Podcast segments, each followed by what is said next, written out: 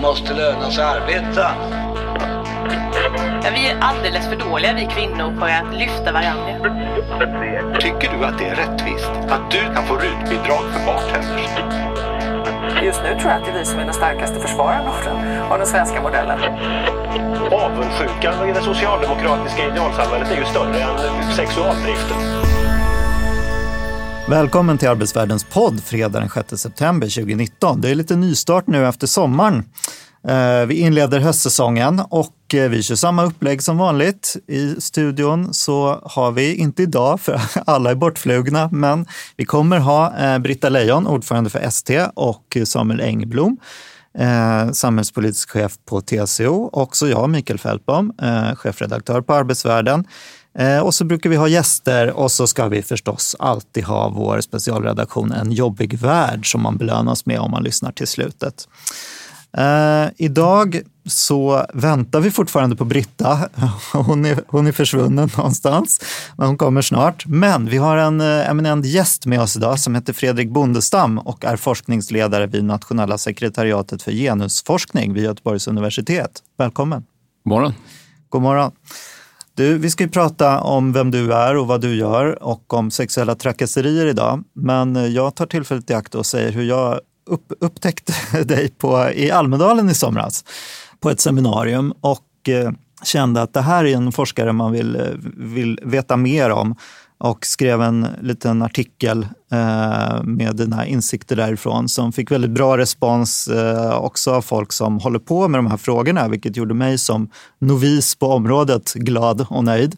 Så vi ska prata om, jag ska inte avslöja vad det var som jag, som jag fastnade för, men jag ska Eh, vi ska i alla fall prata lite om olika strategier på arbetsplatsen, vad som fungerar mot sexuella trakasserier, vad som inte fungerar och och eh, kanske också lite om vad metoo har inneburit. Eh, och Britta får ju komma in här och prata lite om hur det faktiskt ser ut ute i hennes verksamheter på myndigheter och ja, ST har ju universitet också, verk och bolag och sådär.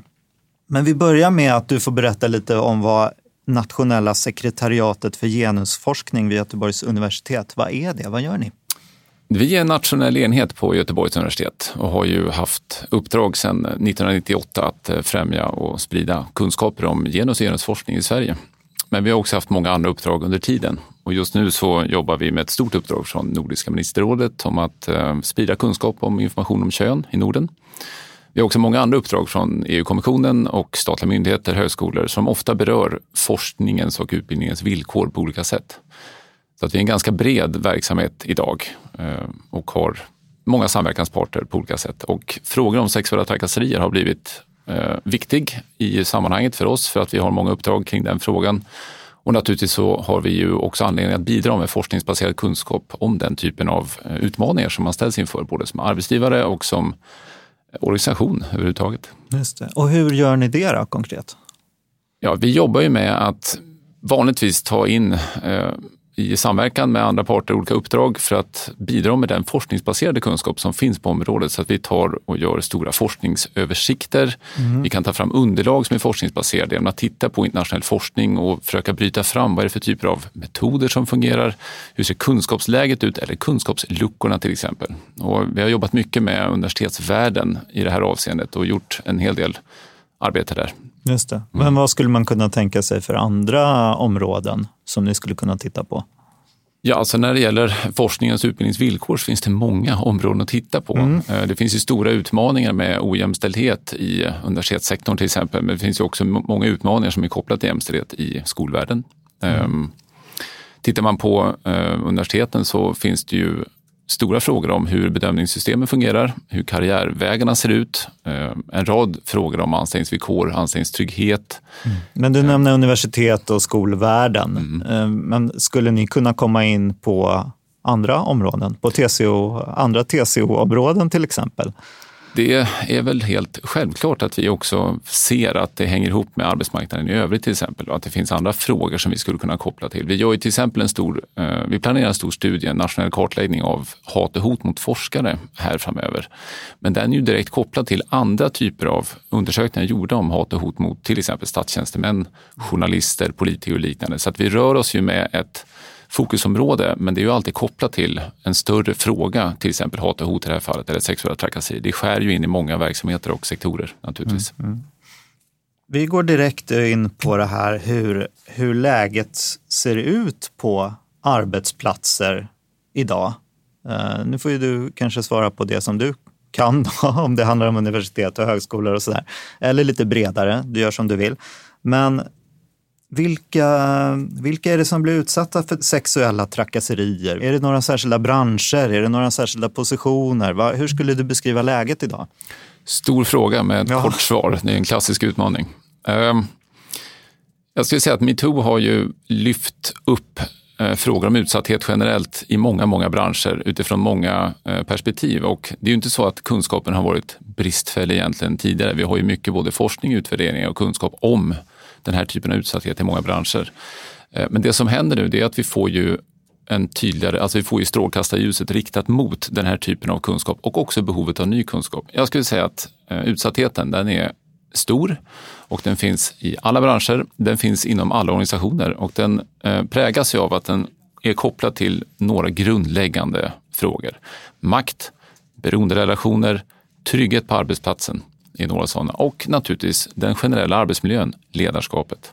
Så det här är ofta gemensamma faktorer, men sen skiljer det mycket mellan branscher, mellan sektorer, mellan eh, ja, olika typer av ledarskap också. Mm. Eh, Vi har ju pratat tidigare i den här podden om att det är tuffare för kvinnor i mansdominerade branscher. Eh, alltså bara karriärmässigt.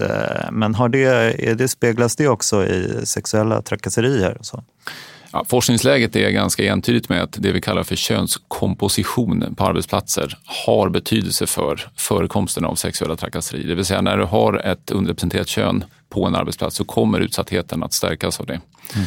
Men det är ju inte den enskilda faktorn och inte heller den viktigaste faktorn faktiskt, utan eh, det handlar som jag sa om trygghet och hur beroenderelationer, hierarkiska organisationer är organiserade, men också hur makt uttrycks och används för att bygga organisationer. Du pratade ju om i Almedalen, tror jag det var, att eh, något som jag tyckte var intressant, att ofta handlar det om eh, män som har en kvinnlig mellanchef. Alltså kvinnliga mellanchefer är ganska utsatta för sexuella trakasserier. Stämmer det? Stämmer det? Uh, forskningssvaret är kanske. Det vet vi inte ordentligt. Det behöver faktiskt tittas på mer noga. Men vi vet ju i forskning från genusorganisation till exempel att mellanchefers position generellt är väldigt utsatt och det gäller ju oavsett kön. Men där får du också en särskild position som kvinna, särskilt i mansdominerade branscher. Att du måste hantera krav uppifrån uh, samtidigt som du måste hantera krav nerifrån. Och sexuella trakasserier rör sig åt båda hållen för den, för den gruppen kan komma från eh, medarbetare som vill utmana Eh, och använda sexualisering som ett sätt att liksom, eh, utmana den här chefens eh, inflytande till exempel. Men du har också överordnade som kan använda situationen för att påverka på det sättet. Och vi vet ju också att sexuella trakasserier generellt sett på arbetsmarknaden är ju någonting som sker mellan kollegor främst förövare och utsatta är ju ofta liksom på samma nivå. Det finns en föreställning här om att det alltid är, att makt alltid rör sig från en hierarkiskt högre position och neråt. Men det är inte alls självklart. Forskningen visar väldigt tydligt att oavsett bransch egentligen så är det i mellan kollegor. Och här, ställer vi också, här behöver vi ställa frågor om hur chefer faktiskt relaterar till varandra i, i ledningsgrupper och liknande. Mm. Nu kommer Britta. Härligt. Hej. Fredrik. Jo, men det som, det som jag gick igång på lite i Almedalen var ju det här att när du berättade att vi vet ju ofta redan på arbetsplatsen om de här problemen som kan uppstå. Alltså det finns vissa personer, sägs det lite sådär bakom skål och vägg att den här personen kanske inte ska åka på konferens med ensam eller se upp för den här personens blickar och det där är ju ganska, det är sånt som vi skrattar bort lite grann och eh, som finns där och kunskapen finns där. Men vi tar den, inte, den är normaliserad, vi tar den inte riktigt på allvar. Och din slutsats där är att vi måste lyfta upp det här och göra det till någonting som inte är okej, okay, för att använda det uttrycket. Stämmer det? Alltså, när du säger att ursäkta, att vi inte tar det på allvar så tror jag att det här viet som tar det på allvar, det är ett ganska stort vi på arbetsplatser idag. Det är inte bara kvinnor utan det är också en del män som har en, en delad kunskap om vilka man bör undvika, vilka platser, vilka situationer, vilken typ av relationer vi inte ska ha på en arbetsplats. Och det, jag tycker begreppet tystnadskultur är intressant i metoo-rörelsen för det, det rymmer mycket, men en betydelse av tystnadskultur det är att det har ju funnits en samtalskultur länge på våra arbetsplatser om de här frågorna. Och man har ju hjälpts åt att hålla ordning på dysfunktionella personer, eh, varna enskilda medarbetare för att ingå i liksom samarbeten för att man ska undvika att bli utsatt. Och det är ju en typ av samtalskultur som jag tror vi behöver göra synlig och aktuell för ett systematiskt arbetsmiljöarbete. Att våga ta det som en kunskapsbaserad erfarenhet och som utgångspunkt för att faktiskt jobba systematiskt med arbetsmiljön. Eh, så det är några tankar jag får när du säger mm. Hur vänder så. man på det där? Hur gör man det till något man kan jag, jobba får jag med? bara hoppa ah, in här? Ja. För att jag känner att, jo men så, så är det ju naturligtvis att det har funnits, precis som du beskriver Mikael, eh, den typen av kommunikation på arbetsplatserna. Men det har ju, ibland är det ju tyvärr också så att det är att de som beter sig på det där sättet eh, faktiskt kan fortsätta att göra det. Eh, även om man ser att det här är ett problem här och man kanske så småningom efter ofta väldigt lång tid hittar sätt att komma till rätta med det där. Men ibland är det ju tyvärr så att lösningarna inte är några lösningar. De kanske är lösningar för just den arbetsplatsen men inte egentligen med själva det problematiska beteendet. Jag tänker på till exempel sådana här saker som att folk som har betett sig så här så småningom inser att det går inte att vara kvar på den här arbetsplatsen eh, men de söker sig någon annanstans och man inte säger sånt när man får frågor om hur den här funkar. Vad heter det när man kollar upp eh, referenser? referenser. Mm. Förlåt. Mm. Men, eh, och, och, till och med ibland att man liksom medvetet från arbetsgivarna ser till att omplacera folk och Istället för att ta den här diskussionen och istället för att se till att personer som beter sig så här, oavsett om det är medvetet eller omedvetet, att de liksom får hjälp att arbeta med det. Nog finns det en tystnadskultur. Som jag sa, i min värld så betyder ja. tystnadskultur många saker och mm. det du beskriver är en typ av tystnadskultur, mm. att man utifrån ett arbetsgivarperspektiv inte adresserar frågor på Exakt. rätt sätt. Och vi vet ju väldigt väl att de som väljer att berätta om sin utsatthet eller anmäler till arbetsgivaren är ju ofta de som får byta arbetsuppgifter, byta arbetsplats. Alltså det blir en mm. typ av dubbelbestraffning. Mm. Trots att vi har mm, ett verkligen. förbud mot den här typen av repressalier eller mm. diskrimineringslagstiftning så är det det som sker i praktiken. Mm.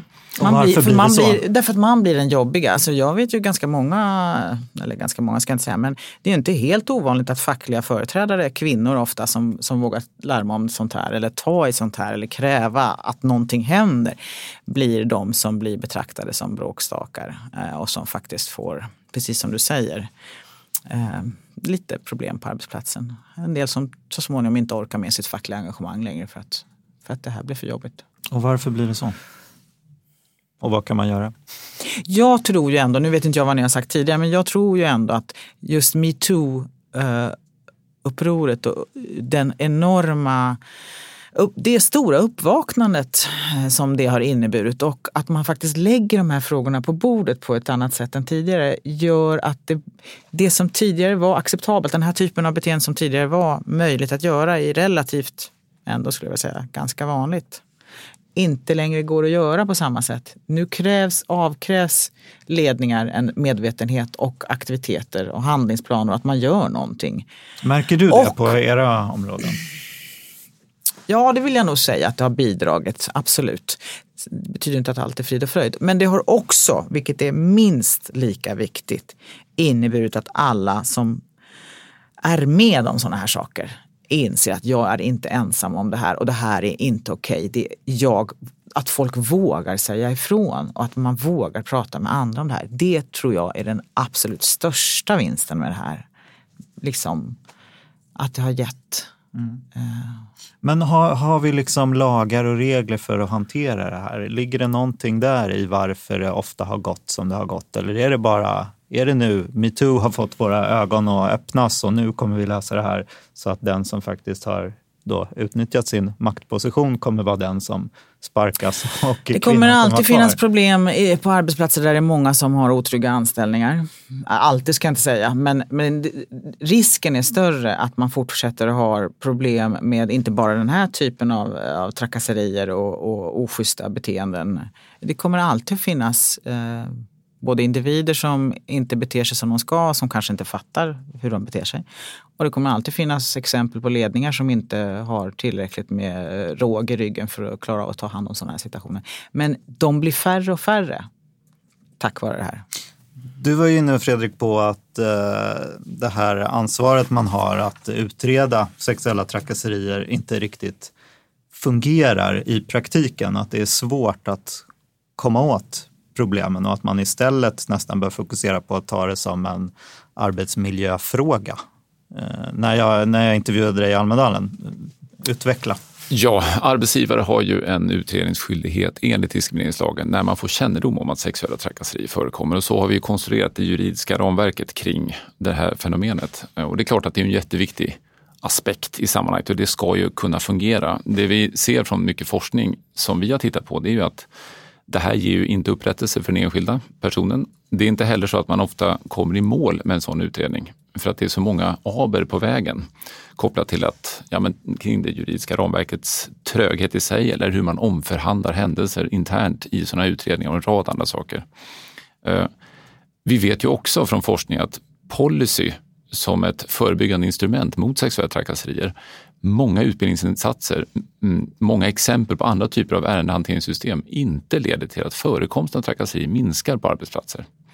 Och det här är en tydlig signal mot vår arbetsmarknad i Sverige att vi kanske måste våga pröva nya innovativa grepp kring hur vi ska förebygga sexuella trakasserier framåt.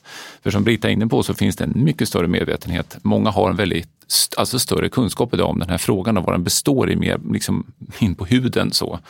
Eh, men arbetsgivarens roll i att systematiskt förebygga sexuella trakasserier behöver ju ta nya steg. Vi, vi, får sluta tänka, och det tror jag är problemet med hanteringsperspektivet, det är att det blir ett efterhandsperspektiv, en brandsläckning, att hantera det enskilda ärendet gång på gång på gång när det redan har skett. Det ska göras, men det leder ju också till en, en passivitet istället för att vara proaktiv i det systematiska arbetsmiljöarbetet och våga tänka att ja, men på vår arbetsplats så förekommer det sexuella trakasserier. Inte utgå från att det finns inga problem och om det händer något, då gör vi vårt bästa för att lösa situationen. Mm. Så att det gäller att vända på bilden och jag tycker det är det metoo också adresserar och illustrerar väldigt tydligt som upprop i alla branscher, att det här är en, inte en normalitet, men det är en förväntad situation i mm. den faktiska arbetsmiljön. Till och med oftast i den egna arbetsgruppen. Så låt oss arbeta tillsammans med att stävja den här typen av risker, sårbarheter och möjligheter som finns till trakasserier. Och hur gör man det idag? För du är inne på att policies och när Britta säger så att ledningen ska ta tag i saker, det kan man göra på olika sätt misstänker jag. Eller liksom vad, hur görs det idag? Vad fungerar? Vad fungerar inte? Men det, det, startas ju väldigt många väldigt konstruktiva initiativ eh, på många ställen på svensk arbetsmarknad. Dels sektorsvis, branschvis görs det många bra saker. Eh, jag ser också att det sker eh, spännande initiativ som går över traditionella gränser där faktiskt arbetsgivare och fack väljer att samverka kring den här frågan och då får vi plötsligt ett gemensamt ansvarstagande som vi kanske inte alltid ser. Du Britta lyfter ju anställningstrygghet som en sån viktig fråga och som jag ofta pratar om och som är forskningsmässigt konstaterat att det är otrygghetsskapande att inte ha en anställning där du faktiskt kan säga ifrån och vet att du har rättigheter. så. Eh, och att titta på den frågan utifrån både ett fackligt och ett arbetsgivarperspektiv, det är ju svårt och känsligt. Men jag ser att det växer fram sådana idéer och samarbeten.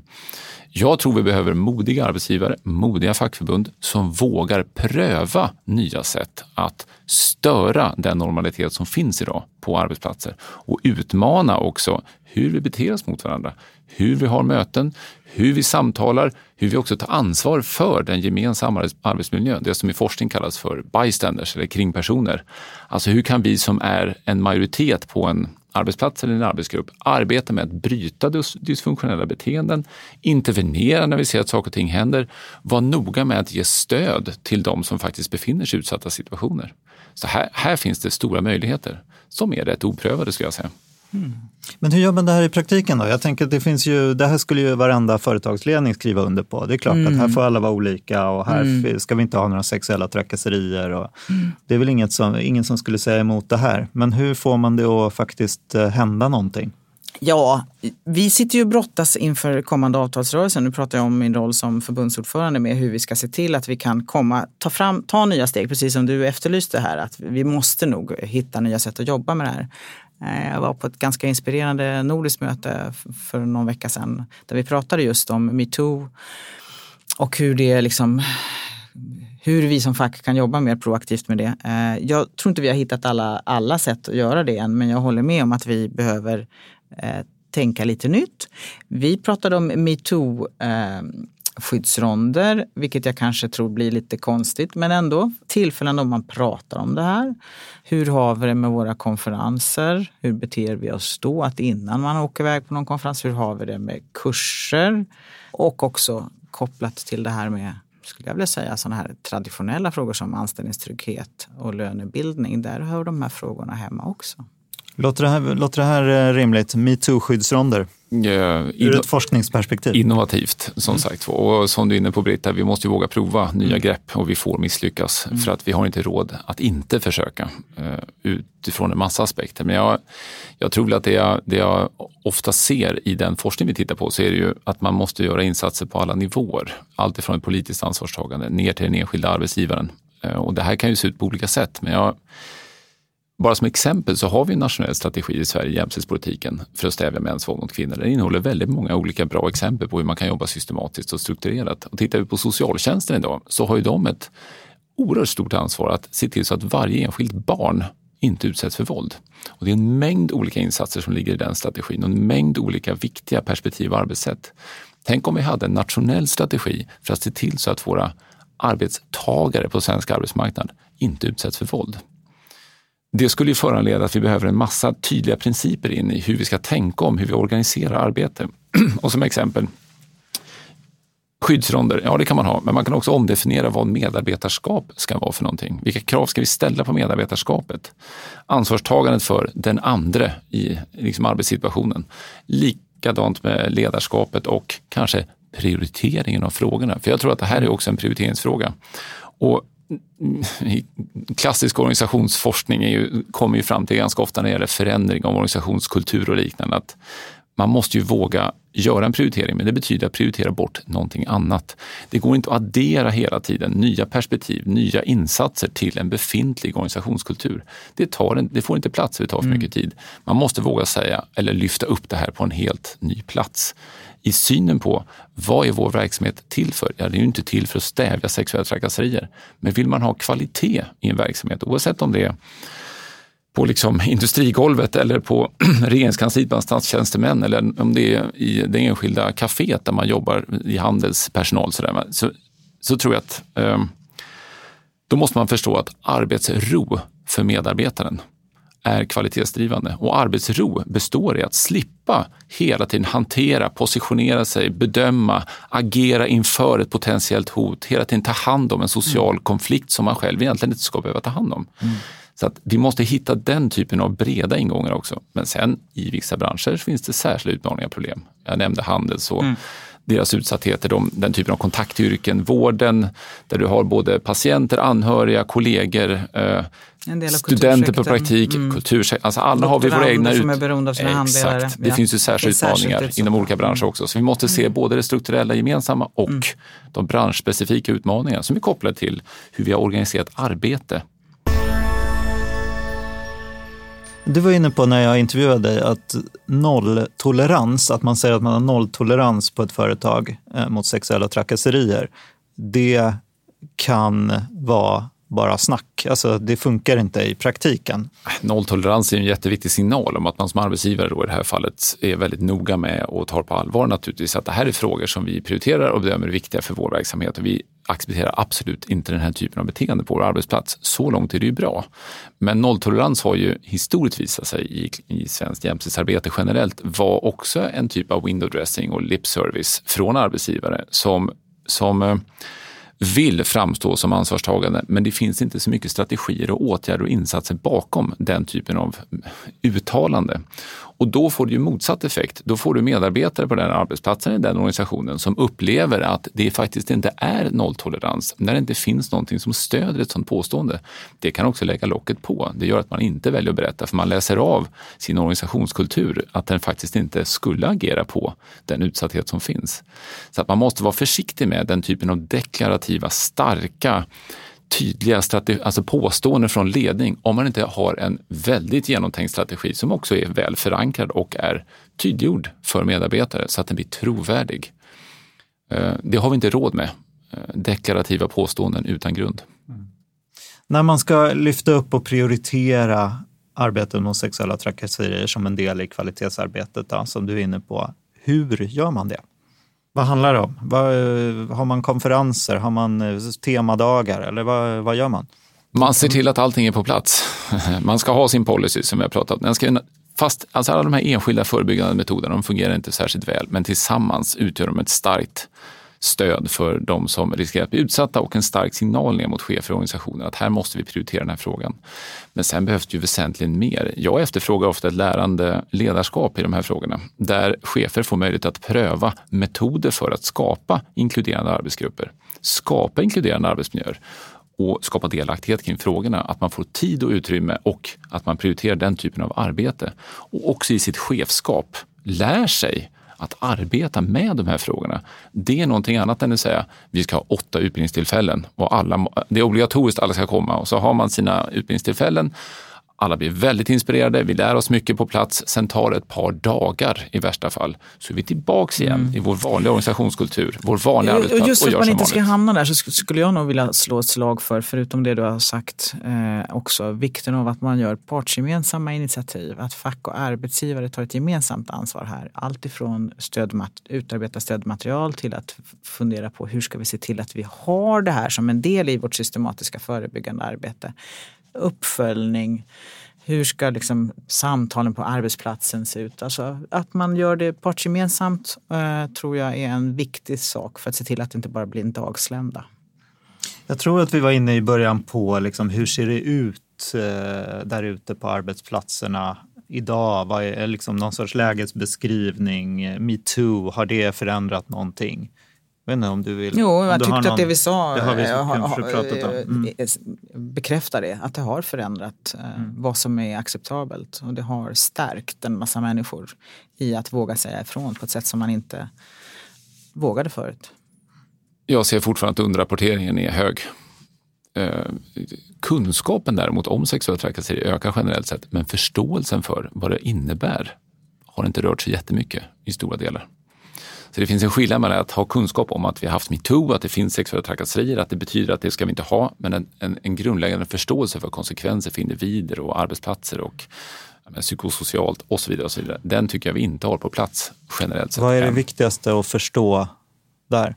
Ja, en rad olika saker. Bara som ett kort exempel så ser jag i många enkätundersökningar idag som görs på svensk arbetsmarknad så frågar man om utsatthet i form av enkla frågor, ja och nej, istället för att ställa konkreta frågor om faktiska situationer för att förstå hur utsattheten ser ut. Eller, vi frågar inte om eh, mer än de senaste 12 månaderna, men vi vet ju forskningsmässigt att erfarenheter från skoltiden kan ligga som ett starkt raster i en persons hela kropp mm. och identitet och liv. Jätteklokt. Och det är ju erfarenheter som väcks mm. när man utsätts för trakasserier på arbetsplatsen. Mm. Och förstår man inte det, då har man inte förstått utsatthetens genealogi som vi pratar om forskningsmässigt. Jätteklokt. Mm.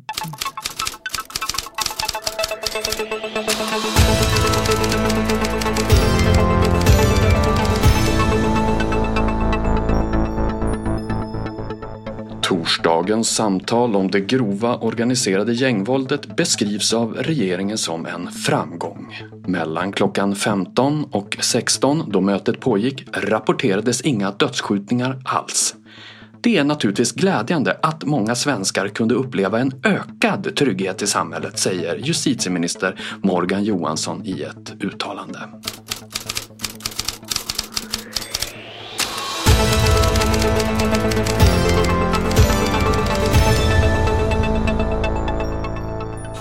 Jag vet inte, hur ska vi inleda det här?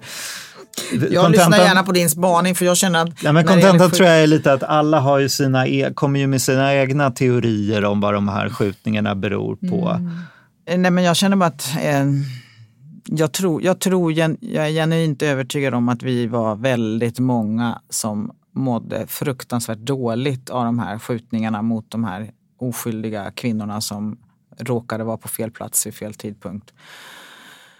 Uh, uh, så att den här frågan har ju fått en annan sprängkraft efter det. Och om det kan leda till en politisk samling och att polisen klarar av att bättre så småningom lagföra de här individerna och få bukt med de här gängen och få stopp på det flöde av vapen, illegala vapen som finns så är väl det alldeles utmärkt för det behövs. Eh, det är sjukt vad vi har blivit tillvanda vid den här typen av händelser.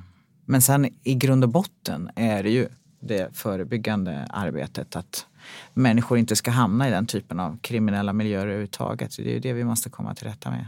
Och där, det, finns, beror ju på en, det handlar om helt massor med saker. Det handlar om knarket, det handlar om jobben och framtidstron och det handlar om mycket annat. Fredrik, har du någon take på det här? Eh, ämnet lämpar sig inte alls för satir. Det är alldeles för allvarligt för det. Det här är en demokratisk fråga. Det är en utmaning mot demokratin att vi har den typen av våldsbejakande personer, organisationer, miljöer som utför den här typen av dåd överhuvudtaget och som Birgitta är inne på, mot helt oskyldiga personer. Som, eh, vi, vi har liksom inte sett ett motstycke till det i svensk eh, offentlighet faktiskt. Så att jag, jag ser inte alls möjligheten till satir utan jag ser bara behovet av en seriös medborgerlig samling kring grundläggande ansvar för vår trygghet. Så att jag, jag blir nästan upprörd. Mm. Okej. Okay. Ja, jag känner mig lite träffad, eh, för jag skrev faktiskt en ledare igår. Man, försök, man vill ju ha en liksom det, börjar, man börjar, det väcker ju tankar, liksom. vad fan är det som händer? Och man vill ju ha någon sorts teori om vad som pågår. Uh, så att, uh, och jag skrev ju liksom utifrån mitt perspektiv och nu blir man ju lite gjord till åtlöje naturligtvis i den här ja, satiren. Jag har inte läst, jag har inte läst in Nej, men det var ju mitt vanliga tjat om att uh, det är sociala orsaker. Att det, jag tycker att det här med Alltså, de här kraven på hårdare tag är ju extremt förväntade ur min synpunkt. Alltså, så går det ju i alla samhällen som mm. får den här typen av problem. Men det är ju inte det som det handlar om, tycker inte jag. Mm. Utan det är ju liksom grundläggande orsaker. Det handlar om, mm. så precis som du säger, arbetsmarknaden och framtidstro och att eh, utsatta förorter har blivit väldigt mycket fattigare. Mm på senare år. Vad, vad trodde man skulle hända? Ojämlikhetens pris helt enkelt. Precis, du har helt rätt i det Mikael, men, men det handlar också om att vi måste få stopp på det här enorma inflödet av vapen och det handlar också om att vi måste få stopp på inflödet av narkotika, och, för det eldar ju bara på den här. Samtidigt tycker jag man kan komma ihåg att morden minskar.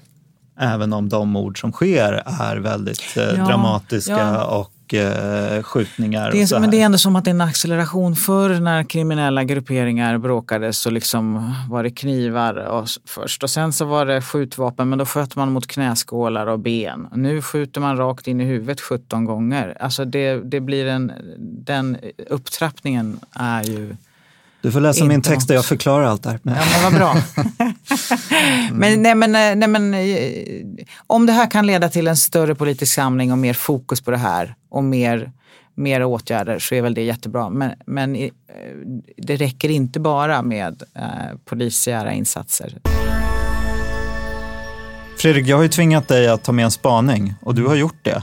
Exakt. Eh, helt enligt instruktion. Precis, och det var ju på temat sexuella trakasserier, men det Jaha. flyttades åt ett annat håll. Jag är inne i ett forskningsprojekt ihop med andra kollegor, finansierat av Forte, där vi tittar på psykisk ohälsa och sexuella trakasserier. Och finns det samband och hur ser de sambanden ut? Ökar psykisk ohälsa av sexuella trakasserier? Eller är det så att psykisk ohälsa är en riskfaktor för trakasserier? Titta på hela svenska arbetsmarknadsundersökningar, arbetsmiljöregister och liknande. Eh, men då satt jag och funderade på, men vad är psykisk ohälsa för oss idag? Ja, det är fortfarande en fråga som är på stigande. Det är många som fortfarande inte ser vidden av det som ett samhällsproblem, tror jag, fullt ut. Och så insåg jag att i framtiden så kommer pensionärer, inte som idag, prata om artros och fysiska problem, utan vi kommer ha en hel generation pensionärer som pratar om sin psykiska ohälsa under livet som det främsta samtalsämnet när de är gamla. Intressant. Detta är spaningen. Mm. Nu måste jag dra. Mm. Då återstår för mig att säga adjö, tack för den här gången och eh, att eh, man ska passa på att prenumerera på eh, Arbetsvärldens podd i sin poddspelare så man inte missar några avsnitt och eh, följa Arbetsvärlden på Facebook och eh, vårt nyhetsbrev för då får man ju en massa uppdateringar om nya poddar. Lyssna på oss om två veckor igen. Hej då!